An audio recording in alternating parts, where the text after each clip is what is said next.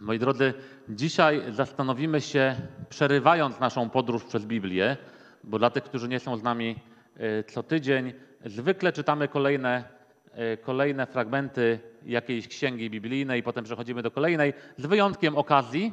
Tych okazji było ostatnio trochę, ale dziś jest świetna okazja. Głupio by ją było ominąć, więc dziś zastanowimy się, co to jest chrzest, czyli co i dlaczego tutaj robimy. No bo zobaczcie, jednak wybudowanie takiego baptysterium, napełnienie go wodą i tak dalej, to wszystko jednak kosztuje. Po co my to właśnie robimy? Bo lubimy robić rzeczy, które mają sens. Czy czego tu dzisiaj byliśmy w zasadzie i jesteśmy świadkami? Chrztu czy ponownego chrztu? Czy patrzymy na jakieś misterium, czy na jakieś ogłoszenie? I po co w ogóle chrzcimy ludzi? I dlaczego dorosłych, a nie małe dzieci? To są pytania, które mi, jako młodemu ateiście lat temu 20 albo więcej e, przychodziły do głowy. To są pytania, które mi, e, młodemu wierzącemu w wieku lat 31 przychodziły do głowy. E, bowiem jak miałem lat 12, to ogłosiłem, że jestem ateistą, a jak 31, to Bóg sobie z tym poradził i nawrócił mnie. Zastanowimy się właśnie zatem, co dziś to się stało, dlaczego robimy to tak, jak robimy. Mm, te pytania są ważne i są na czasie, i nie zastanowimy się nie tylko nad nimi, bo gdybyśmy tylko nad nimi się zastanowili, to byłby to taki sobie wykładzik albo religioznawczy, albo taki kulturoznawczy, taka jakaś pogadanka, ale ponieważ jesteśmy w chrześcijańskim kościele, na chrześcijańskim nabożeństwie, to pójdziemy o wiele głębiej. Chrzest, moi drodzy, jest zawsze radosnym wydarzeniem dla Kościoła i to chyba nie muszę mówić, nawet ateiści to wiedzieli, znaczy nawet ateiści to wiedzą, wiem o tym z własnego doświadczenia. I jakaś osoba, tym razem Agnieszka, zdecydowała się publicznie wyznać Jezusa swoim Panem i Zbawicielem. Cieszymy się z tego i robimy imprezę. Jak ktoś jeszcze nie wie, na dworze będzie impreza po zakończeniu nabożeństwa. Wszyscy są zaproszeni, bo święto jest wielkie. Ale szczególnie w naszym kontekście polskim warto się zastanowić, ze względu na naszych przyjaciół, znajomych, rodziny, y, gości, którzy nie są ewangelicznymi protestantami, że tak użyję takiego sformułowania, odpowiedzieć warto na kilka kluczowych pytań. I właśnie to dziś zrobimy. E, zatrzymamy się na trzech pytaniach i spróbujemy krótko na nie odpowiedzieć. E, dla tych, którzy nie wiedzą, kazania czasem trwają tutaj godzinę albo i dłużej, ale przy okazji chrztu jesteśmy, tam odbijamy bardziej Bożą łaskę i miłosierdzie i staramy się, żeby było wiele krótsze. Dziś będzie krócej, jeśli Bóg pozwoli. Jeśli będę się trzymał notatek, a nie popłynę. Yy, trzy pytania dzisiaj. Czym jest chrzest, a czym nie jest? Pytanie pierwsze. Drugie, czym jest zbawienie? Trzecie, czy chrzest zbawia? To są takie bardzo kluczowe w kontekście tego, co tu widzieliśmy i słyszeliśmy pytania. A kiedy już ustalimy odpowiedzi na te pytania, przyjrzymy się jeszcze raz słowom Jezusa, które zresztą już tutaj padły, pastor Piotr je przytoczył, by zakończyć to bardzo osobistym wątkiem. Bo uważam za mądrzejszymi od siebie, którzy poprzedzali mnie przy tym pulpicie, jeśli nie będzie wątku osobistego, to kazanie jest do niczego. To jest wykład albo rozważanie, które mogę zrobić przy ognisku. Jeśli ma być tutaj i ma być chrześcijańskim kazaniem, musi być odniesienie do każdego z nas. Pierwsze pytanie. Czym jest chrzest, a czym nie jest? Musimy sobie zdefiniować. I żeby na nie odpowiedzieć, sięgnijmy do Nowego Testamentu. I tak będziemy robić, ponieważ chrześcijanin to naśladowca Chrystusa. Więc będziemy patrzeć do Pisma Świętego, szczególnie do Nowego Testamentu. E, na początek słowa tego, które imię, którego imię już wzywaliśmy, słowa Pana Jezusa Chrystusa, które są zawarte w Ewangelii Mateusza w dwóch ostatnich zdaniach, czyli 28 rozdział, wersety 19-20 i nazywane są wielkim nakazem misyjnym, a które brzmią tak. Tu jest Biblia Warszawska, ja czytam z e, Ewangelicznego Instytutu Biblijnego, z nieco innego przekładu, trochę nowocześniejszego, ale treść taka sama. Idźcie więc, powiedział Jezus, i pozyskujcie uczniów pośród wszystkich narodów. Chrzcijcie ich w imię Ojca, Syna i Ducha Świętego i uczcie przestrzegać wszystkiego, co wam przykazałem. A oto ja jestem z wami przez wszystkie dni, aż po kres tego wieku. Te słowa padły już tutaj. Chrzczecie w imię Ojca i Syna i Ducha Świętego. Tak nakazał Jezus i tak czynimy. Te słowa są dla Kościoła tym, a powinny być przynajmniej, czym konstytucja jest dla każdego demokratycznego kraju. One opisują, po co Kościół powstał, w tych słowach Jezus mówi, po to, żeby głosić Chrystusa i przybliżać Go ludziom. Jak ten Kościół ma działać? Ma uczyć wszystkiego, co przekazał swoim uczniom Jezus. Kto ma tę misję realizować? No uczniowie, czyli wszyscy wierzący. Podkreślam, wszyscy. Nie tylko ci, którzy występują za pulpitu, ale każdy wierzący, który siedzi tutaj teraz przede mną. Każdy z nas jest powołany do realizowania misji Jezusa Chrystusa. I do kiedy mamy to robić? Aż po kres tego wieku, czyli dopóki On nie przyjdzie, by zakończyć naszą misję. I podobnie jak czasem państwa lekceważą swoje konstytucje, takie kościoły często lekceważą swoją konstytucję, czyli wielki nakaz misyjny, ale to już temat na inne kazanie, to kazanie na temat naszych grzechów, grzechów Kościoła. Ale mamy już tutaj pierwszą ważną informację mówiącą, dlaczego w ogóle chrzcimy ludzi. Robimy to tak, bo to jest część rozkazu, którą zostawił nasz Pan i Król Jezus Chrystus. Chciałbym tutaj podkreślić jedną ważną rzecz. Pan Jezus Chrystus i wierzący wszyscy to wiedzą.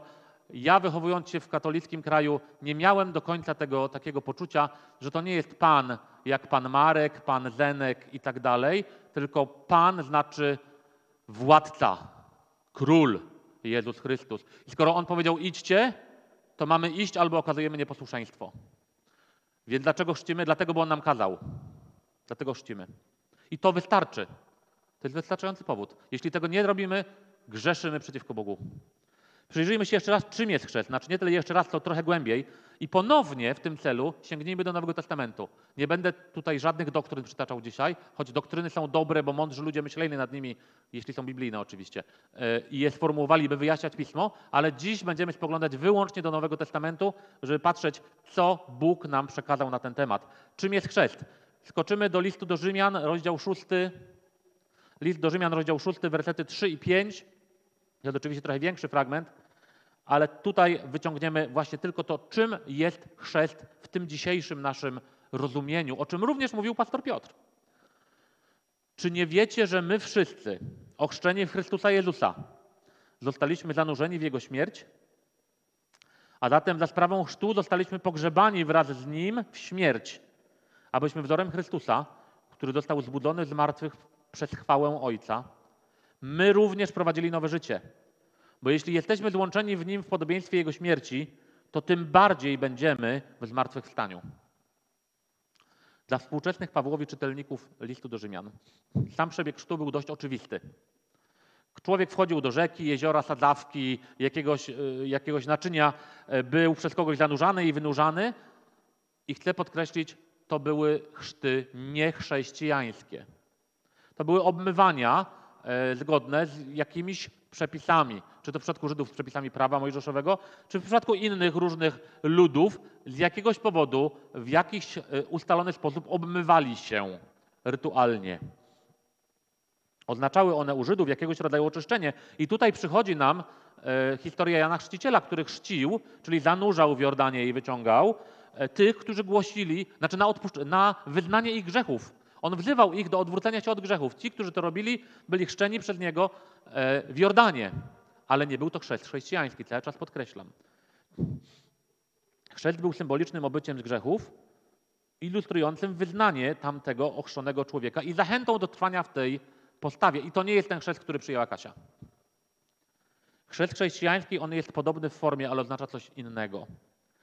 Jest symbolem też, ale nie wysiłków ludzkich, tylko przyłączenia do dzieła Jezusa. To Jezus dokonał całego dzieła, a Kasia, Agnieszka, przepraszam, Kasia, cały czas widzę Kasię tutaj, a Agnieszka uznała, że tak właśnie jest. I przyłączyła się, skorzystała z efektów tego, co zrobił Jezus. Agnieszka się ochrzciła, ale nie po to, żeby teraz stać i się spinać. Agnieszka się ochrzciła, żeby się nie spinać. Agnieszka się ochrzciła, bo Bóg, Duch Święty pokazał jej, e, Ej, mam dla ciebie wolność.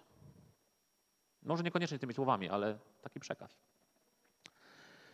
Chrzest chrześcijański jest więc obrazem zanurzenia w śmierć Jezusa, jak pisał apostoł Paweł, i obrazem wynurzenia w Jego zmartwychwstaniu. Czyli wiemy już, dlaczego chrzcimy, bo tak nakazał Jezus. Wiemy, co chrzest oznacza, obraz zanurzenia w śmierć i udział w zmartwychwstaniu. Podkreślam obraz, czyli symbol, a nie magiczny rytuał. Kolejna rzecz. Część Polaków zdaje się wierzyć, że chrzest, czy to chrzest niemowlęcia, czy to chrzest dorosłego, to jest jakieś magiczne czary-mary. Wchodzi Agnieszka, a wychodzi ktoś inny. takie, taka rzecz, że była Agnieszka, a jest ktoś inny, nowe stworzenie, miało miejsce, ale to miało miejsce zanim ten chrzest nastąpił. Kiedy Agnieszka wyznała Jezusa swoim Panem i Zbawicielem, doznała nowego narodzenia, Bóg ją przemienił, zostawiając personalia, zostawiając charakter, ale jednak przemienił ją i chrzest ma być publicznym wyznaniem. Dokładnie to wyznała Agnieszka. Tak, w to wierzę. Ale sam chrzest tego nie zrobił. Jest to bardzo ważne, byśmy nie, przy, nie przywiązywali magicznej mocy do rzeczy, które takiej mocy nie mają. My chrzcimy przez posłuszeństwo Jezusowi. I nie chcę powiedzieć, że chrzest to jest coś mało ważnego. To jest ważna sprawa. Chrzest jest czymś ważnym, ale nie przez swoje jakieś niewidzialne działanie, tylko bo odnosi się do zbawienia, które nastąpiło w wyniku śmierci i zmartwychwstania Jezusa. Nie dlatego, że Agnieszka weszła dziś do baptysterium, a pastor Piotr ją ochrzcił, tylko cała zapłata dokonała się dwa tysiące lat temu na Golgocie, w dalekim kraju, daleko stąd. Wiemy wszyscy gdzie. Agnieszka publicznie ogłasza, że wierzy w skuteczność tamtej egzekucji. I podkreślam egzekucji, czyli wykonania wyroku śmierci. O tej egzekucji Agnieszki i o innych egzekucjach czekających przed nami opowiem jeszcze za chwilę. Mamy już pewną wiedzę, czym według Nowego Testamentu jest chrzest, ale by wpaść na to, dlaczego chrzcimy osoby w wieku świadomym, a nie chrzcimy niemowląt, cofnijmy się jeszcze raz do tego tekstu, który powiedział, wygłosił Pan Jezus Chrystus. E, musimy odpowiedzieć na trzy pytania dzisiaj. Na jedno już odpowiedzieliśmy, więc musimy przyjrzeć się, co to jest zbawienie i czy chrzest zbawia. I no, na to ostatnio już powiedziałem częściowo. No nie, chrzest nie zbawia. Zbawia wiara w dzieło Jezusa Chrystusa.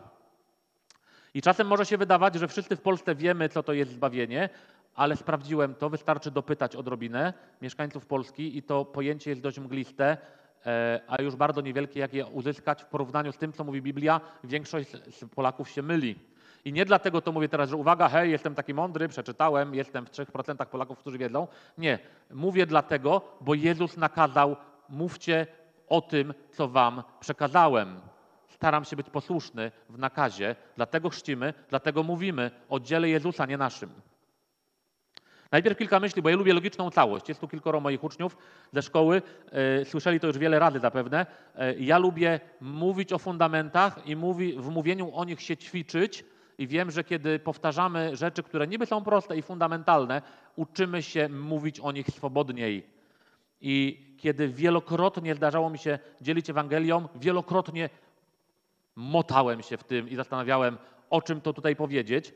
I nieraz zdarzało się, że dwie godziny mówiłem tak zwane o Bogu, nie mówiąc Ewangelii.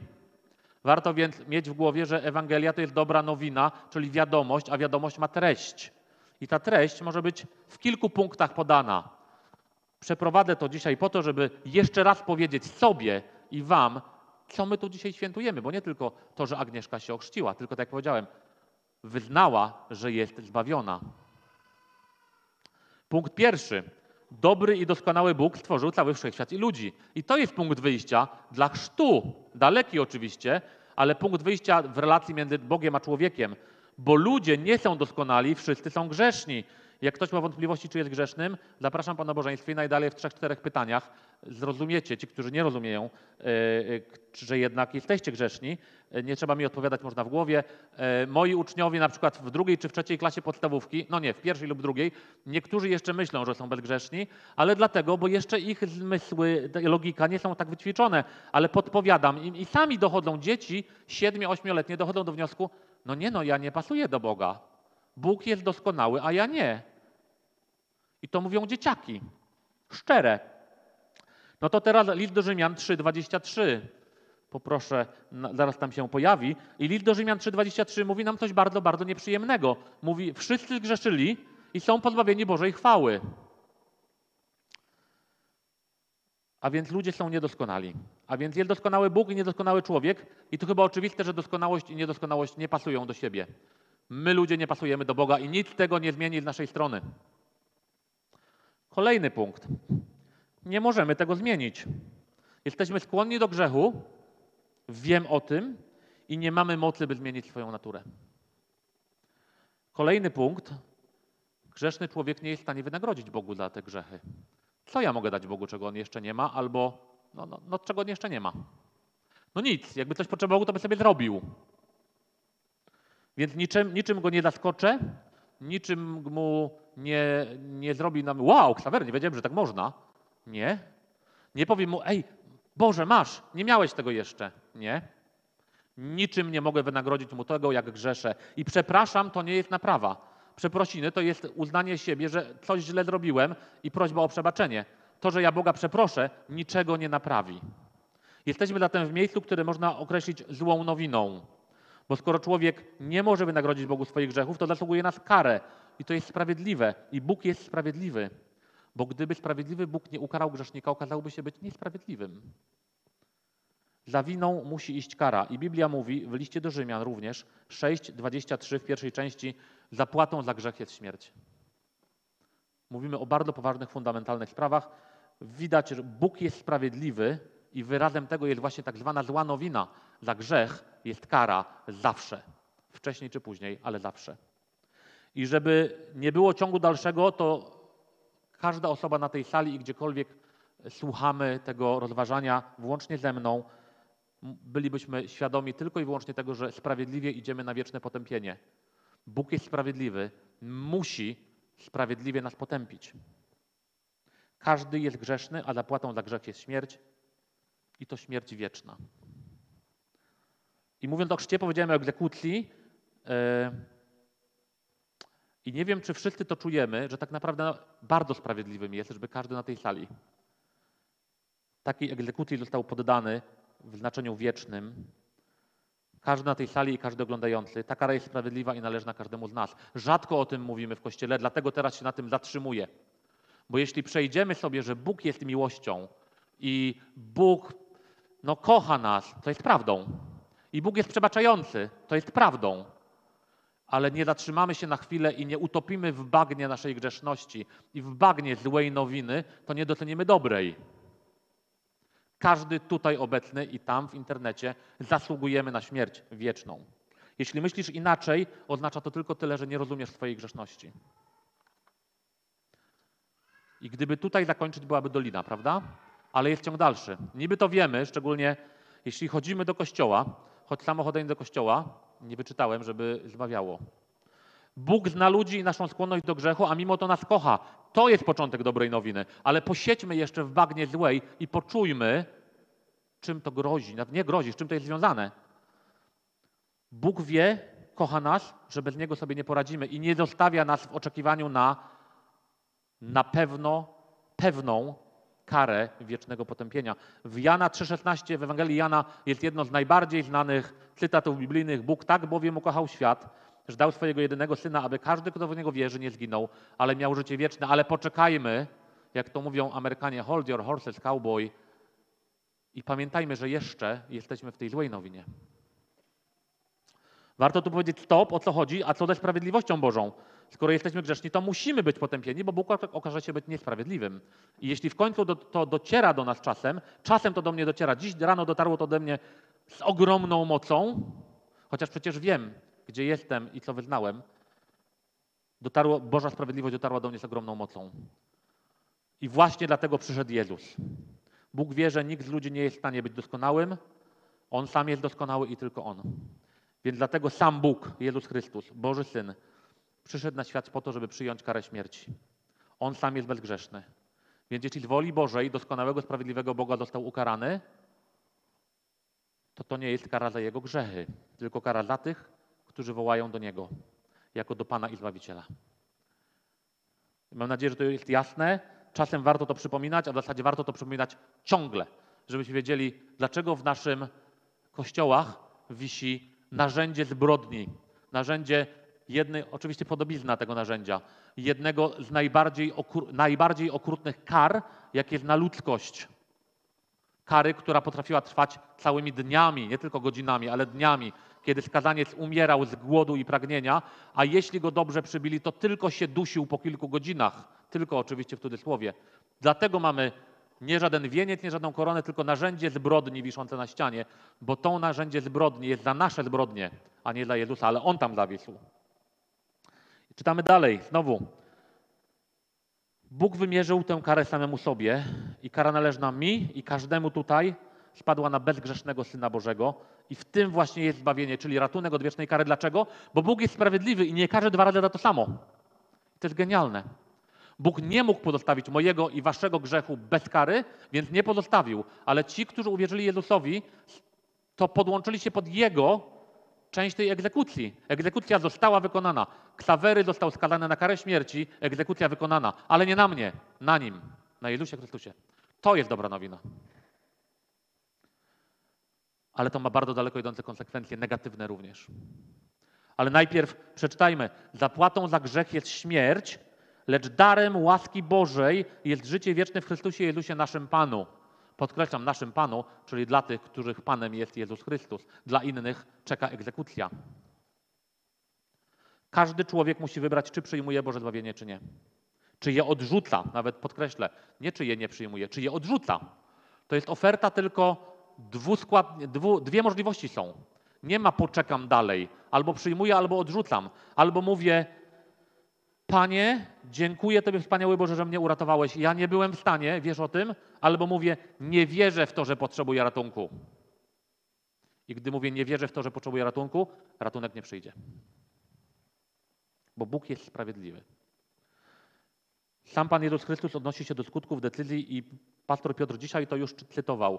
I to, I to może dla jednych jest dobra nowina, dla niektórych bardzo zła. W Ewangelii Marka 16:16 16, e, tuż pod koniec tej Ewangelii, kto uwierzy i zostanie ochrzczony, będzie zbawiony, kto nie uwierzy, będzie potępiony.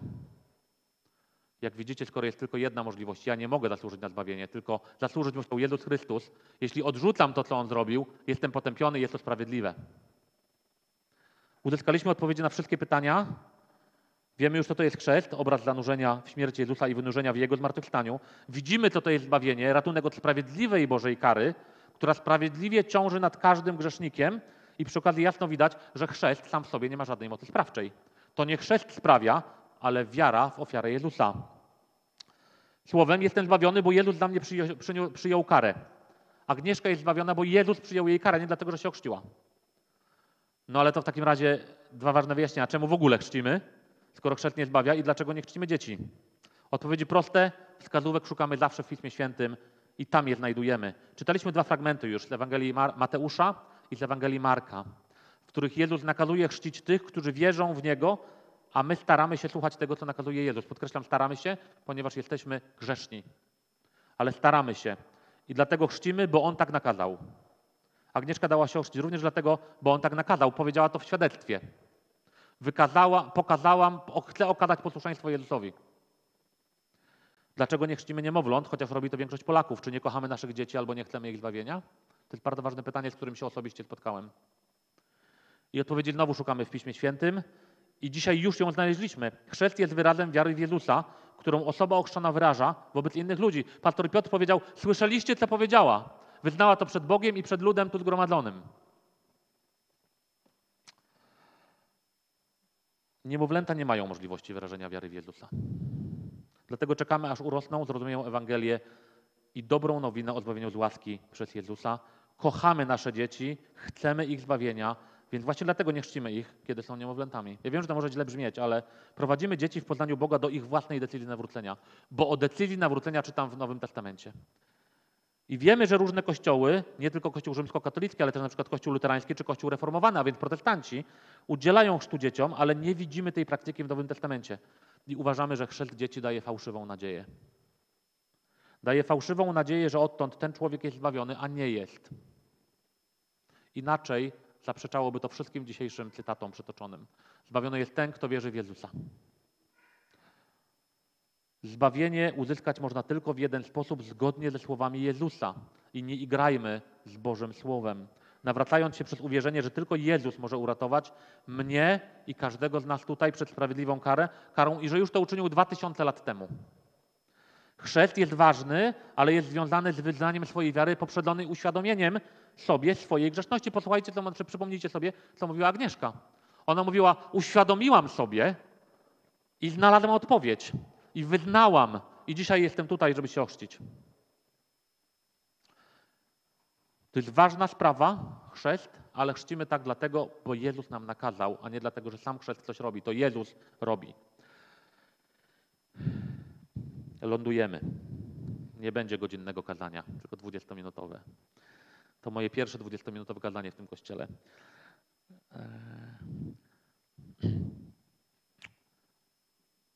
Na koniec obiecałem, że znaczy obiecałem na początku, że na koniec będzie wątek osobisty.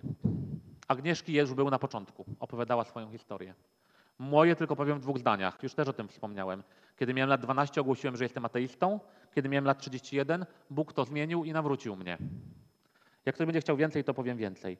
E, natomiast nie mam wątpliwości, że mój wątek osobisty, chociaż ciekawy, może nikogo nie interesować. I nie mam z tym problemu.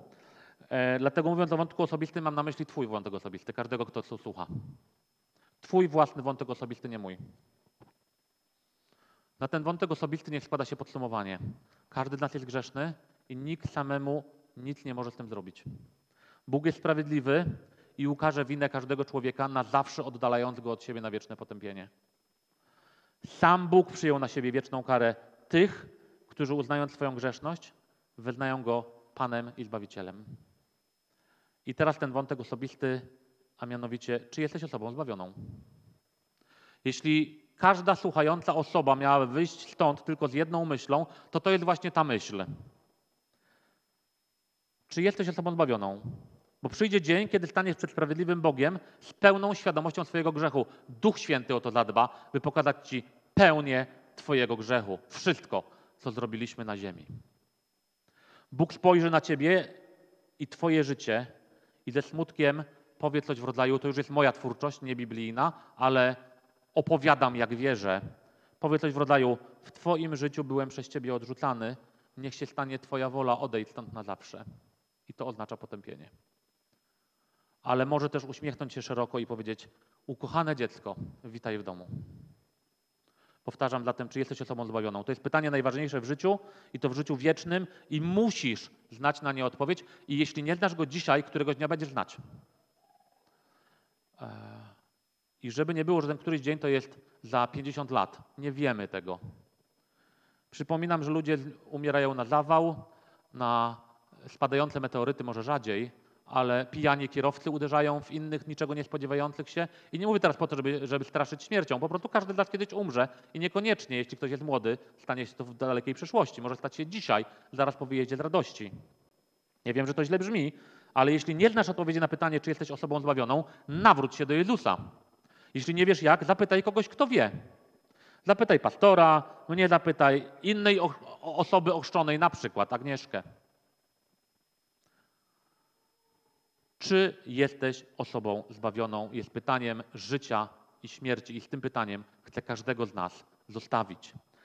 Boże Ojcze, Tobie chwała za cały ten świat, ale przede wszystkim za to, jaki Ty jesteś. Panie Jezu, umarłeś za nasze grzechy i dla nas zmartwychwstałeś. Wiedząc, że nie ma innej drogi, jak tylko Ty, dałeś się dla nas zabić, by przyjąć należną nam sprawiedliwą karę. Boże Duchu Święty, prowadź każdego z nas, kto słucha tego rozważania. Niewierzących nawróć do Jezusa, wierzących wyposażaj do służby. A wszystko to dla chwały jedynego, doskonałego i sprawiedliwego Boga. Amen.